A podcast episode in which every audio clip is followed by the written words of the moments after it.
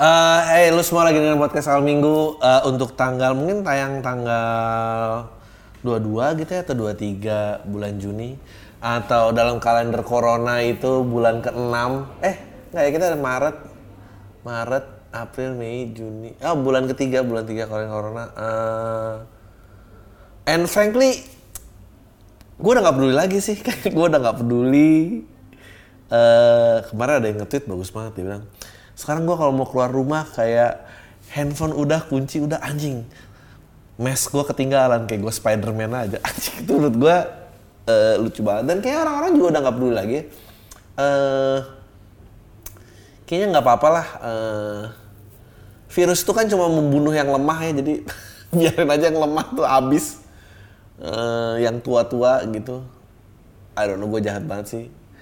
Eh, tapi lumayan kan kalau nggak ada yang tua-tua tuh paling nggak eh, progresivitas tuh bisa eh, maju lagi. Karena kan mm, progresi itu kan selalu tertahan oleh generasi yang tua ya. Maksudnya dia menolak maju. Jadi kalau emang dibabat virus ya nggak tahu lah jadi apa. Eh, dan kayaknya banyak untungnya juga ya. Gue ngerasa ini gue lagi happy aja nih. Gue ngerasa kayak em, depresinya hilang. Dan gue kayaknya ternyata nggak butuh orang sebanyak itu. Eh, nggak lihat demo-demo aneh lagi. Eh, karena gue lama ya gue nggak tahu ya. Abis demo tuh buat gue selalu kesannya eh, bukan orang lain nggak boleh bersuara boleh. Tapi kayak yang konservatif konservatif demo tuh gue enak gitu. Nggak sealiran dan nggak ada yang nggak ada yang baru gitu. Nggak ada yang ya udah gitu gitu aja jadi I don't know mall bahkan kayak apa Eh, terus em, bioskop bakal kayak apa, produksi bakal kayak apa, I, I really don't know. gue sih pokoknya udah mulai menjalankan usaha-usaha bagaimana eh, makan dari apa yang di kita pelihara dan kita tanam sendiri. Jadi gue mungkin nggak butuh duit. Udahlah gitu aja. Eh, abis, tahu ya. Dan kayak udah terlalu banyak unsur politiknya gitu. Kayak Mena- menarik sih melihat melihat fenomena ini tiba-tiba masih ada eh, orang yang bilang ini buat orang yang bilang ini propaganda tuh gue kayak lu lu emang gue sih gue suka banget baca propaganda tapi propaganda tuh buat gue cara gampang untuk em, membuat suatu hal yang rumit itu jadi masuk akal gitu. Eh, apa emang kayak yang percaya ini karena waktu itu karena lagi pemasaran 5G gitu biar orang eh, ketergantungan cara berinteraksi dengan dunia luar akses informasi dengan koneksi internet yang makin cepat eh, apa makanya orang dirumahkan saja gitu. Terus kayak eh, abis itu kalau nggak pemasarannya gimana siapa mau butuh internet 5G ya maksudnya emang benar maksudnya internet tuh kita butuh seberapa lebih cepat lagi sih? Maksudnya ini udah nggak tahu ya gue ngerasain internet dari lama banget sampai sekarang tuh kayak ini udah udah cepet banget loh dan nggak perlu lebih cepet lagi. Lo 5G tuh mau kayak apa gitu. But if you can get the hook gitu ya marketing kan it's all about pertama yang gue selalu ngebahas pasti dari sisi marketing karena emang gue belajar marketing. It's about creating the traffic. So it's not about lu ngejual produk apa tapi lu berhasil nggak mengumpulkan traffic di suatu tempat. Jadi kalau lu punya barang yang bagus banget tapi nggak ada yang melintasi tempat lo ya orang nggak akan lihat so so lama-lama creating the traffic itu lebih penting daripada menjual barangnya. Uh, I think that's why Google become multi-million dollar company, Facebook become multi-million dollar company, and so on and so forth. Fakta itu benar karena tiba-tiba kayak boom, Google mengkoneksi orang jauh lebih besar daripada PLN atau bahkan Telkom atau apa apa apa yang saya uh, uh, dan orang kayak baru panik dari isu uh, privacy. Sebetulnya privacy dari dulu sebetulnya kita memang nggak pernah punya tapi no one ever mengintegrasikannya dalam skala masif sejak uh, sosial media sih uh, sejak geotagging gue inget banget. Gue inget banget tahun 2004 gue kuliah kita masih membahas apakah etik apakah etis memasang RFID radio frequency identification di personal device lo.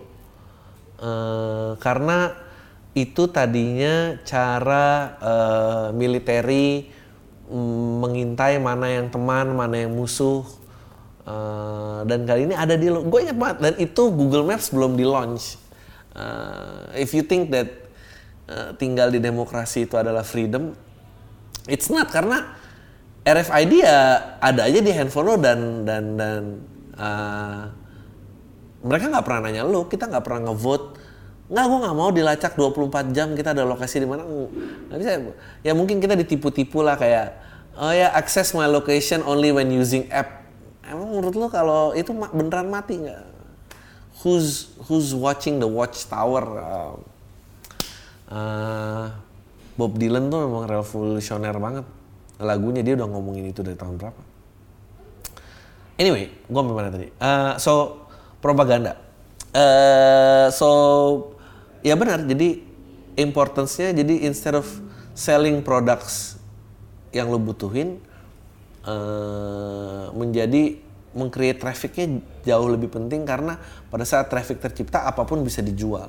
So you become the target. Uh, tapi berhubungan dengan COVID ini, maksudnya kayak tapi kan ada orang yang beneran mati dengan COVID. Masa lo mau dismiss itu aja? Itu sih yang gue kadang-kadang males nyemplung dalam rabbit hole of uh, propaganda gitu of course yang memanfaatkan situasi ini banyak gitu. Uh, hell jangan kan uh, Facebook dan koneksi 5G yang lain. Uh, yang mau mengguling, yang mau ngesahkan RUU KUHP saat COVID aja ada gitu. Maksudnya banyak banget gitu. Kenapa nggak banget ya? Uh, memang it's about money and power gitu. Nggak pernah tentang humanity gitu. Kalau uh, ya makanya society-nya akan kayak gitu aja. But I don't know ya. Gue juga nggak pernah percaya. I don't know if kalau kita dari dulu mengembangkan uh, memajukan umat manusia dengan basis kemanusiaan, uh, mungkin kita sama ini nggak pernah nemuin penisilin gitu. Uh, kita nggak pernah nemuin antibiotik. Orang mati juga kita masih dansa-dansa di pinggirnya karena ntar arwahnya ke mana kita akan ketemu lagi. I don't know. Dan hidup udah jalan aja kayak gitu. Uh, tapi kan hidup maju ya dari itu cara-cara itu ditinggalkan dan nggak tahu titik-titik balance-nya di mana gitu itu itu sekarang pertanyaan besar gue kayak does humanity ever win gitu kayaknya enggak deh I think fear always win gitu karena uh, kalau we can we can accept the things that live pasti mati gitu ya. Ya udah mati aja nggak sih? Nggak perlu nggak perlu ada apa-apa gitu. Uh, ya jadi kalau covid ini sih menurut gua udah biarin aja gitu bakar aja semua. Biar habis. It only gonna kill the weak. It's fine. Uh, kita akan we gonna learn live with it aja gitu. Uh, belum lagi kalau lo ngomongin kayak propaganda propaganda uh, farmasi gitu uh, banyak banget tuh kayak uh, kenapa sih kita nggak pernah menemukan uh, obatnya AIDS gitu karena propaganda uh, medis karena kalau Chris Rock bilangnya karena uh, the profit is in the returning customer gitu. Jadi kalau lu find the cure uh, ya farmasi kapan untungnya gitu. Gimana gimana caranya membuat uh, AIDS itu like flu like symptoms. Jadi kayak ya udah lu bisa minum sembuh besok ntar kejangkit lagi tapi sembuh lagi. And that's how the society works. Kalau mau percaya propagandanya it's so easy. Oh ya langsung make sense. Tapi gua rasa nggak nggak se tapi itu yang berbicara omong kosong sih. Kalau lo bicara sama saintis lo mau lo mempelajari uh, protein dan why uh, sistem imun seperti apa yang diserang dan dan dan uh, traits virusnya itu kayak apa lo nggak akan reach to that conclusion gitu. Um, I, I used to be that guy juga dan gampang gitu especially comedians gitu kayak tapi gue kalau on stage if I'm gue jadi komedian gue gue akan selalu attack. Karena it's so easy. It's just too easy. And I don't think um, ada yang semudah itu sih gitu. Ada yang bilang oh ya eh, sejak investasi polio kan banyak banget kehilangan uh, potensi revenue yang bisa didapatkan. Nah, tapi gue rasa manusia nggak segitu jahatnya gitu. Uh, dan waktu itu karena Roosevelt polio aja jadi digalakan. Emang enggak lah kalau karena bottom line is you need human to consume. So kalau humannya habis gara-gara penyakit itu terus siapa yang mau consume? Nggak bisa. Like there's a balance yang harus dijaga gitu in order to rodanya berputar. Now, now we're talking about forces good and evil. Uh, ya jadi gue kayak udah nggak ini uh, mungkin kita gue nggak tahu sih kayak ke mall apa gitu gue udah nggak uh, tapi gue parno sih maksudnya gue parno kalau ngeliat orang banyak gitu kayak anjing ntar lagi gue ketularan jadi tapi uh, worry-nya udah nggak kayak kemarin udah nggak pengen bangun bunker ya masih sih pengen bangun bunker tapi kayak I don't know man. Gua gua ngeliat US ya. Nah ini kita ngomong US. Gua ngeliat US dan mulai rusuh itu tuh mengerikan. Riot tuh dan gue nyaksiin 98 dan itu kalau keulang lagi sih mengerikan somehow uh, survival of the fittest juga nggak bisa pakai apa gitu nggak punya pistol nggak punya golok nggak punya gue jadi ngebayangin anjing fakta banget gue kalau misalnya tiba-tiba bawa golok di atas mobil bunuh-bunuhan orang kayak gitu. Um, ya yeah, human I think jadi covid itu ya udahlah ya diterima aja. I think we just gonna live along with it aja. Uh, I think the next ada lagi waktu kemarin ada meme lucu banget. Uh, diketemukan uh, apa peti-peti mumi uh, di daerah mana gitu terus terus ada yang komen kayak put that shit back gitu. This is not the time gitu. Karena kita kan yang kayak merich uh, eh, HIV kan dulu juga ceritanya it was a well known disease uh, among chimpanzee gitu. Or monkeys gitu. We ate the monkey. It was us until karena virus itu selalu butuh host untuk hidup uh, kebiasaan itu dilakukan bertahun-tahun dan mutation happen lah. Akhirnya it attack us. And then uh, covid juga gitu kan. Da dari kelelawar. Itu ngebunuh kelelawar we, we were okay gitu. and then you make the virus jump. Uh, gue ya, gue bingung sih kenapa kita mas eh nggak tahu ya. Kalau ditanya apakah memakan segala sesuatunya itu hak?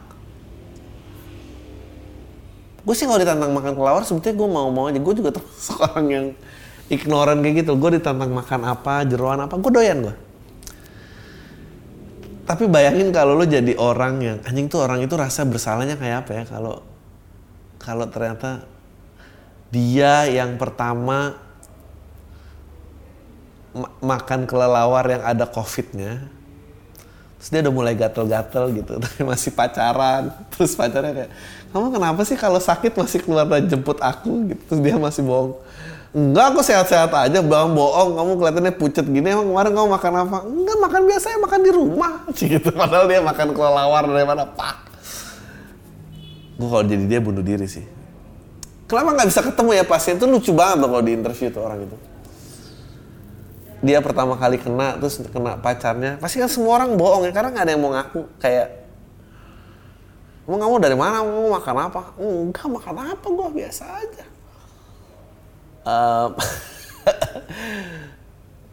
nggak mungkin nggak mungkin ada skenario di mana I remember dulu punya gue punya joke tentang katanya kalau kebanyakan masturbasi itu bisa menyebabkan dengkul kopong dan kebutaan. Ya oke okay aja sih. Cuma permasalahannya siapa yang mau ngaku dengkulnya kopong dan buta gara-gara kebanyakan masturbasi maksudnya gue nggak akan mungkin ke dokter gitu bilang kenapa pak mau matanya? Gue pasti akan bilang kepentok pak. Gue gak mungkin. Banyak masturbasi gak mungkin gue gak mungkin gue bilang dengkul gak bisa sengklek. Itu dengkulnya kenapa? Nggak jatuh gitu. Pasti gue bohong. Gak mungkin. There is no way. So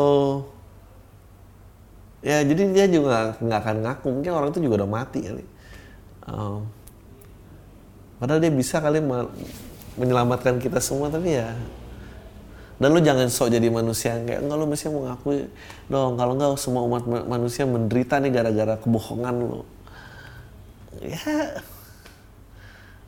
kalau emang pengadilan dunia akhirat itu nanti ada ya gue serahkan sama yang di sana aja deh. Daripada gue dijudge di sini, gue mendingan nunggu di sana.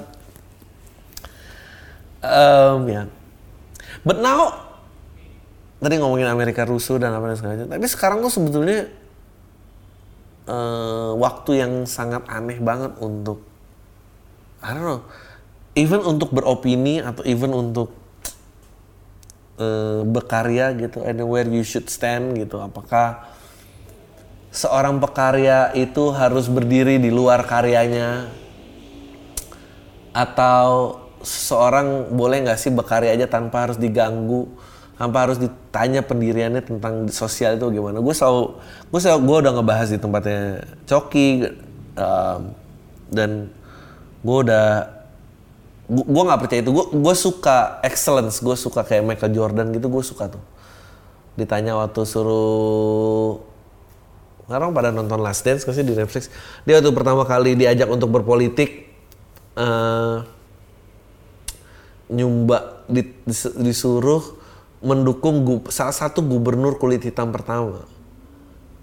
Gue lupa dia pertama atau, atau mungkin tiga yang pertama kali atau apa gitu.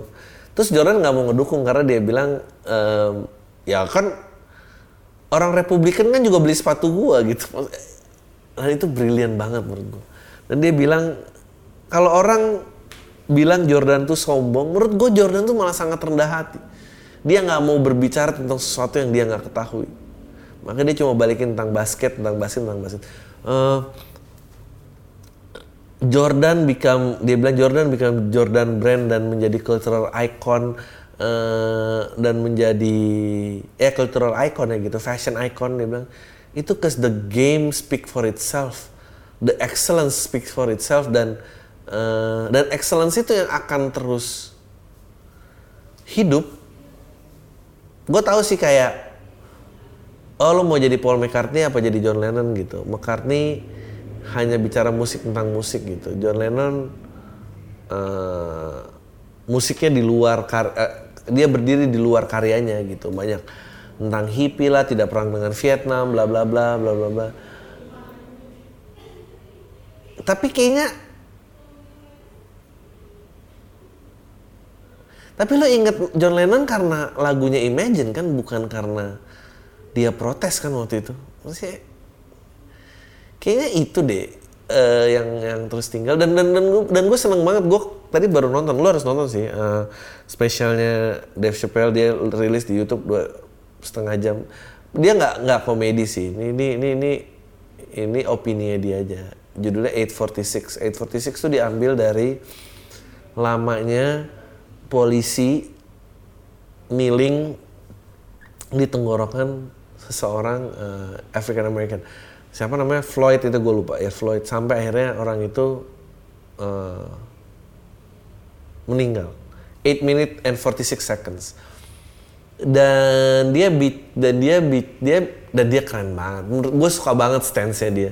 Meskipun nggak ada jok-joknya sama sekali ini opini gue suka banget stance nya dia bilang semua orang nanya opini gue tentang ini gimana gue dan gue dipaksa untuk bicara tentang uh, apa uh, tentang kejadian ini. Terus dia bilang gue nggak mau bicara karena lu nggak butuh opini seorang selebriti dan gue tuh selebriti. Anjing bagus banget. Gue nggak perlu membicarakan ya oke lo adore gue tapi gue lu nggak perlu membicarakan oke lo percaya sama gue tapi gue nggak perlu membicarakan to tell you what to do ngapain katanya? Enough ngedengerin selebriti anjing bagus banget men. Coba kalau di kita mah men. Dan nggak ada figur itu nggak ada nggak ada figur yang cukup besar gitu untuk bilang bahwa nggak selebriti itu shut the fuck up. Bener loh selebriti itu belum tuh lulus kuliah yang lulus juga pasti nyogok-nyogok karena kan kabur syuting-syuting kan. Terus apa punya kredibilitas apa? Nggak punya men tapi karena tadi gitu karena lu balik lagi ke ke ke marketing gitu. Karena selebriti itu hold the traffic. Tiba-tiba holding the traffic jadi lebih penting daripada barang apa atau message apa yang pengen lu kasih gitu. Mestinya nggak gitu. Mestinya serving what people want and what people need baik bentuknya dalam layanan atau produk itu harus tetap lebih di atas daripada just because semua orang ngumpul di sini kita punya kesempatan untuk jual sesuatu. Itu kan oportunis namanya. Uh, dan dia ngomong itu dia dia cerita uh, dia waktu itu dipanggil Grammy dia nggak mau datang gara-gara Kobe Bryant meninggal. Kobe Bryant jersinya digantung 8 and 24 dia bilang that's my birthday 24 of August.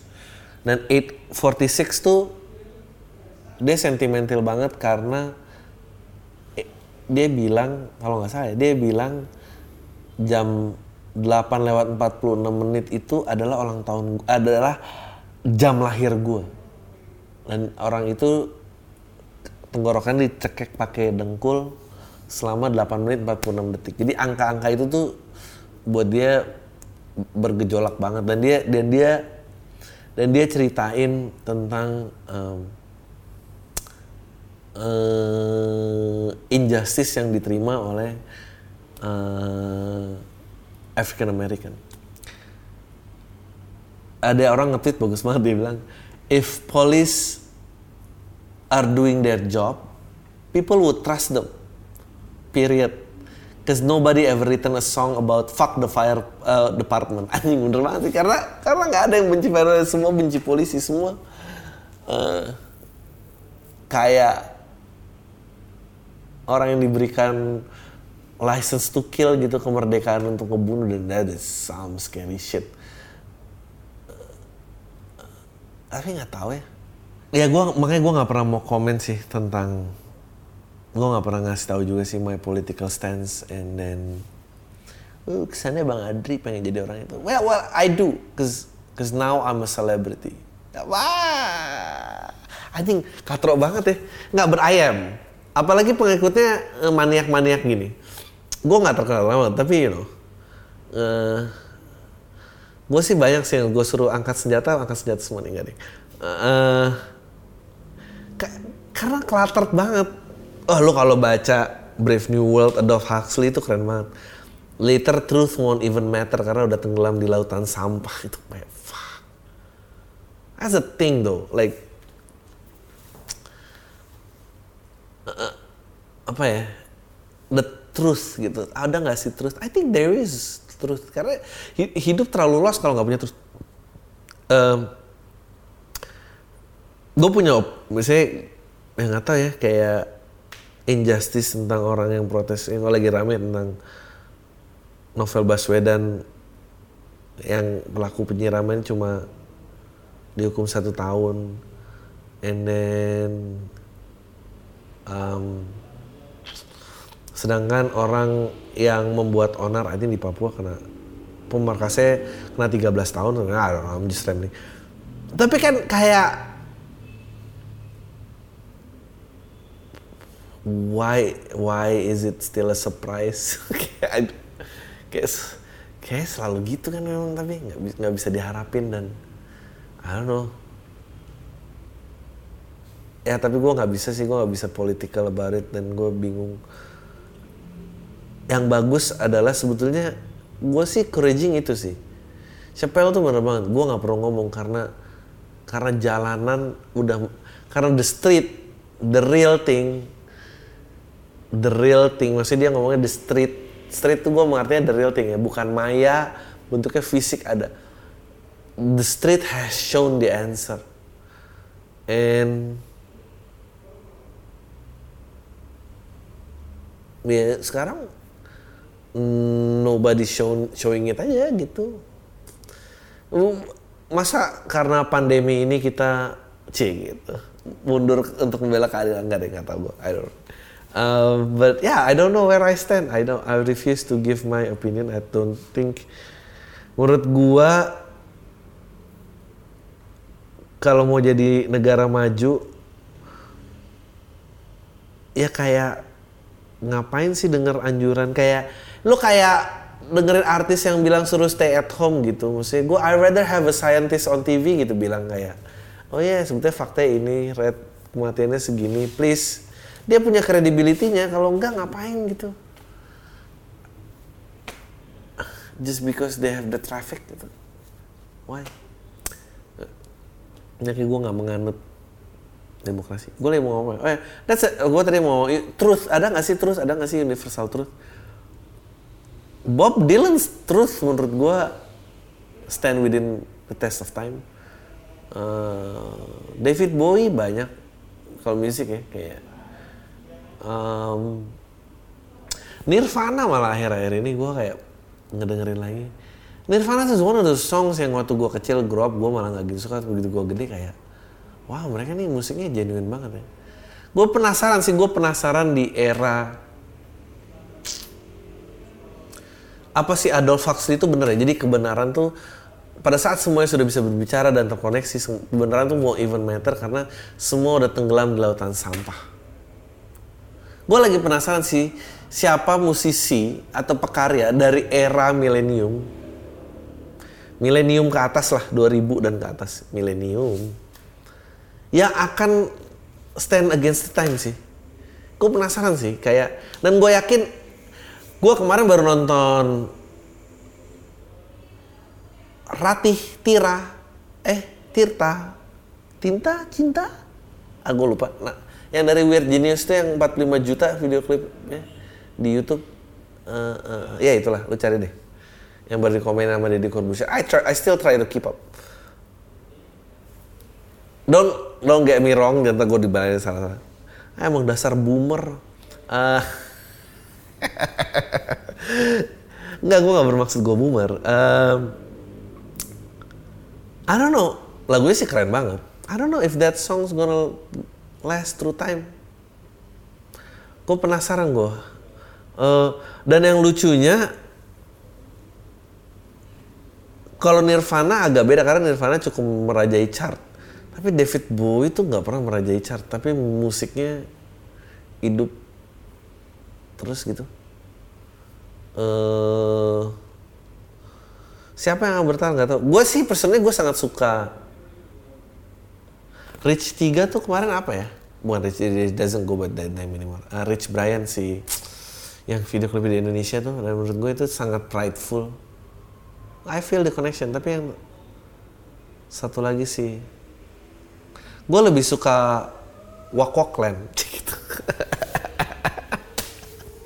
gue suka tuh yang itu I think itu lebih sincere uh, ya yeah, sincerity truth nilai-nilai universal ini bisa nggak sih sebetulnya bertahan di era uh, sosmed ini? Uh, dan pan ya gitu deh. Terus pandemi juga udah nggak tahu ya pak. Uh, and ya yeah, itu yang mau gue obrolin. I don't care about the pandemic I refuse to talk about social and politics situation. Uh, karena nggak ada yang nggak tahu ya. Gue nggak mau disuruh orang aja sih kayak ya mungkin gue akan um, karena ya nggak mau bicara karena lu nggak tahu sih kecuali lu tahu banget ya. You don't think it's weird gitu. Kejadian kasus ini gitu. Why cuma it's so weird man. Everything is just gua percaya kalau ternyata ini propaganda gue gue yakin ada sutradara hebat di belakang semua ini. Like bener-bener Oscar quality shit ia mengorkestrakan ini semua. And how ini bisa fit ya, ya ada komplainan nih pak.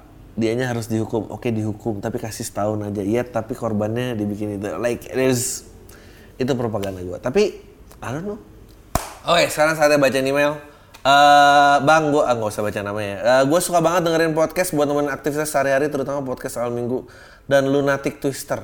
Gara-gara lu gue terinspirasi bikin podcast. Dan gue mau nanya, gimana caranya ngomongnya lancar dan kalimat-kalimat keluar dari mulut ngalir gitu aja bang. lu teknologi udah sedia tersedia buat semua orang aja, lu masih nggak bisa ngelakuin juga. Berarti mungkin podcast bukan buat lu.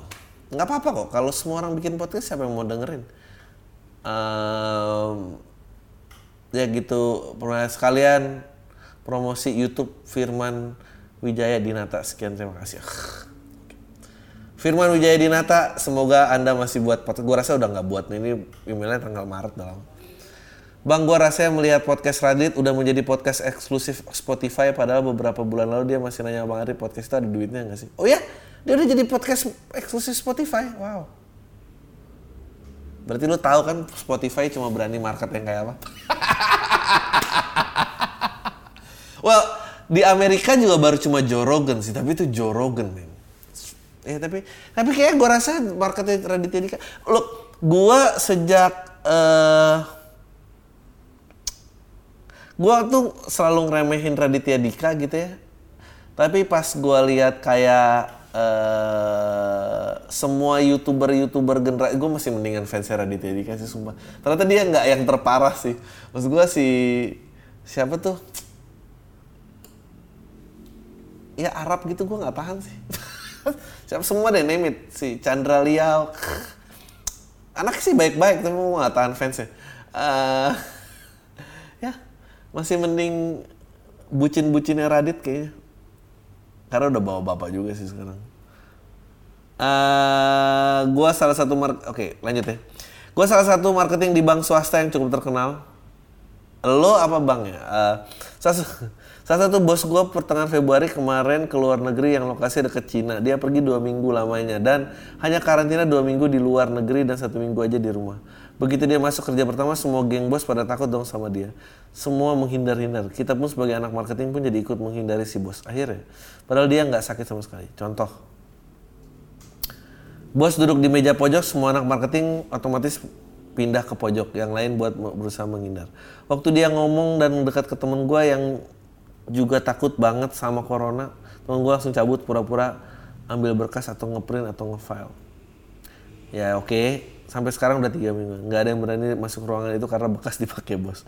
Gua nggak habis pikir ya kenapa dia nggak cuti aja sih di rumah? Padahal atasnya udah kasih izin dia cuti tiga minggu buat make sure nggak ada yang corona. Well nggak semua rumah itu bahagia ya jadi banyak loh yang terpenjara di rumah.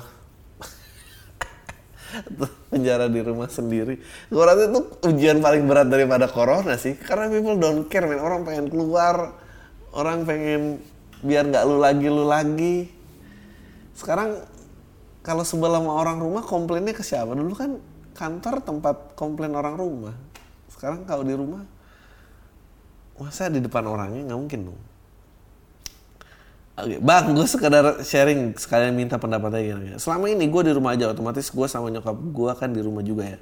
Oh ya gue di rumah tinggal berdua doang sama nyokap gue. Karena kakak gue udah pada kerja dan nggak tinggal lagi sama orang tua sama karantina ini nyokap gue ini pagi sering banget marah-marah. Ini nyokap gue tuh tipikal orang yang kalau capek marahnya dicari. nah kadang gue tuh bingung aja bang. Mau berbuat kayak apa. Jadi ulang lagi nih. Nggak usah. Cuek aja. Gue juga mau ngekat soalnya.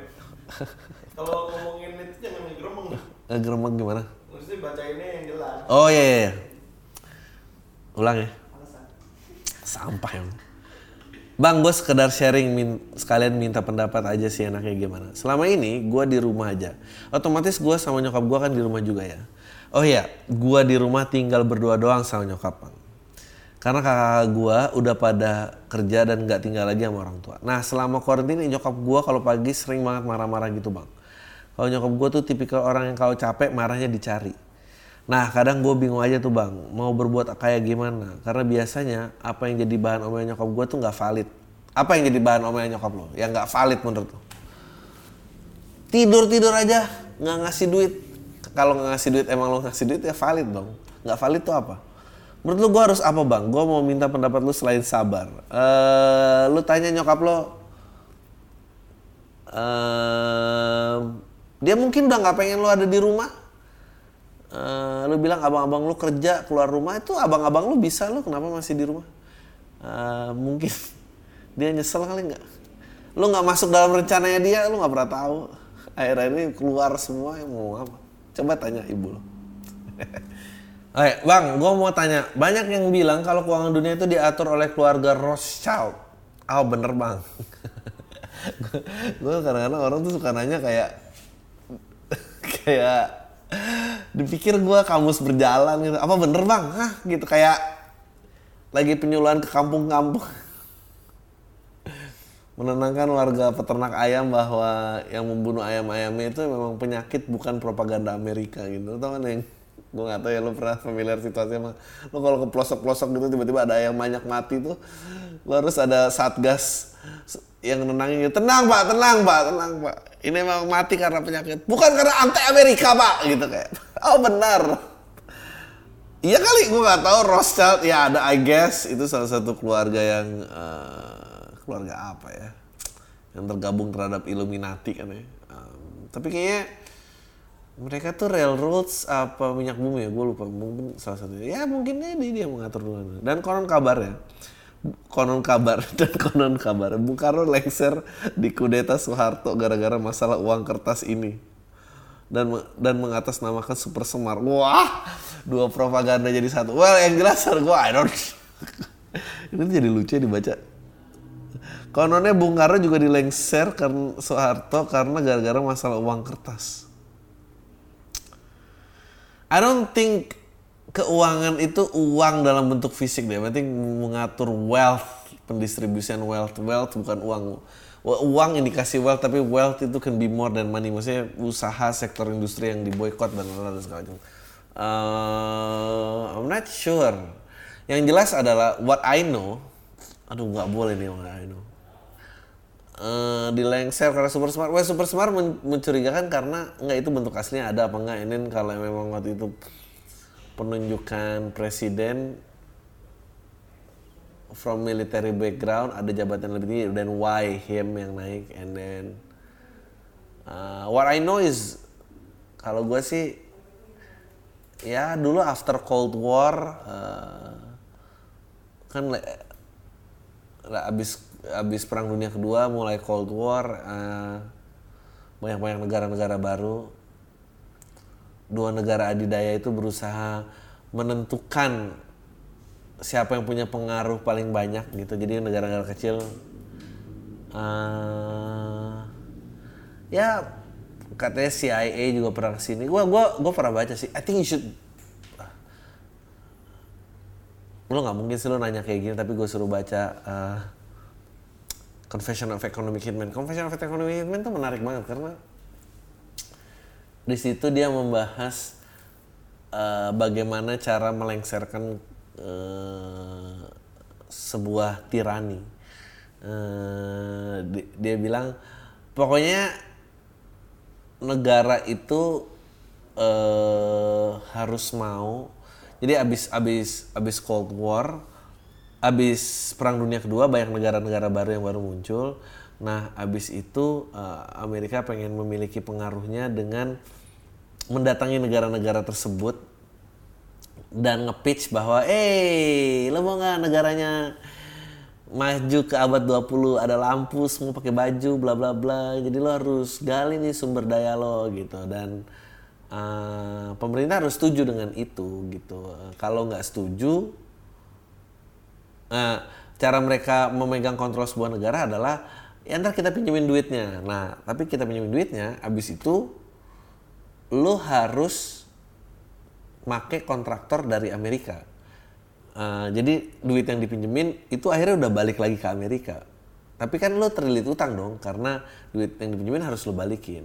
Nah dia dia pitching deh kalau eh, sumber daya alam lo dimanfaatkan lalala ntar tahun sekian bisa lunas kok bla bla tapi proyeksi itu nggak akan pernah terjadi nah pada saat tidak bisa terjadi ya gue boleh diri military base atau sumber daya alam lo buat gue lalala mereka kayak gitu nah di situ dia cerita kalau memang pemerintahnya tidak setuju dengan cara ini eh, ya dibikin korup aja gitu. Habis dibikin korup, negaranya dibikin rusuh.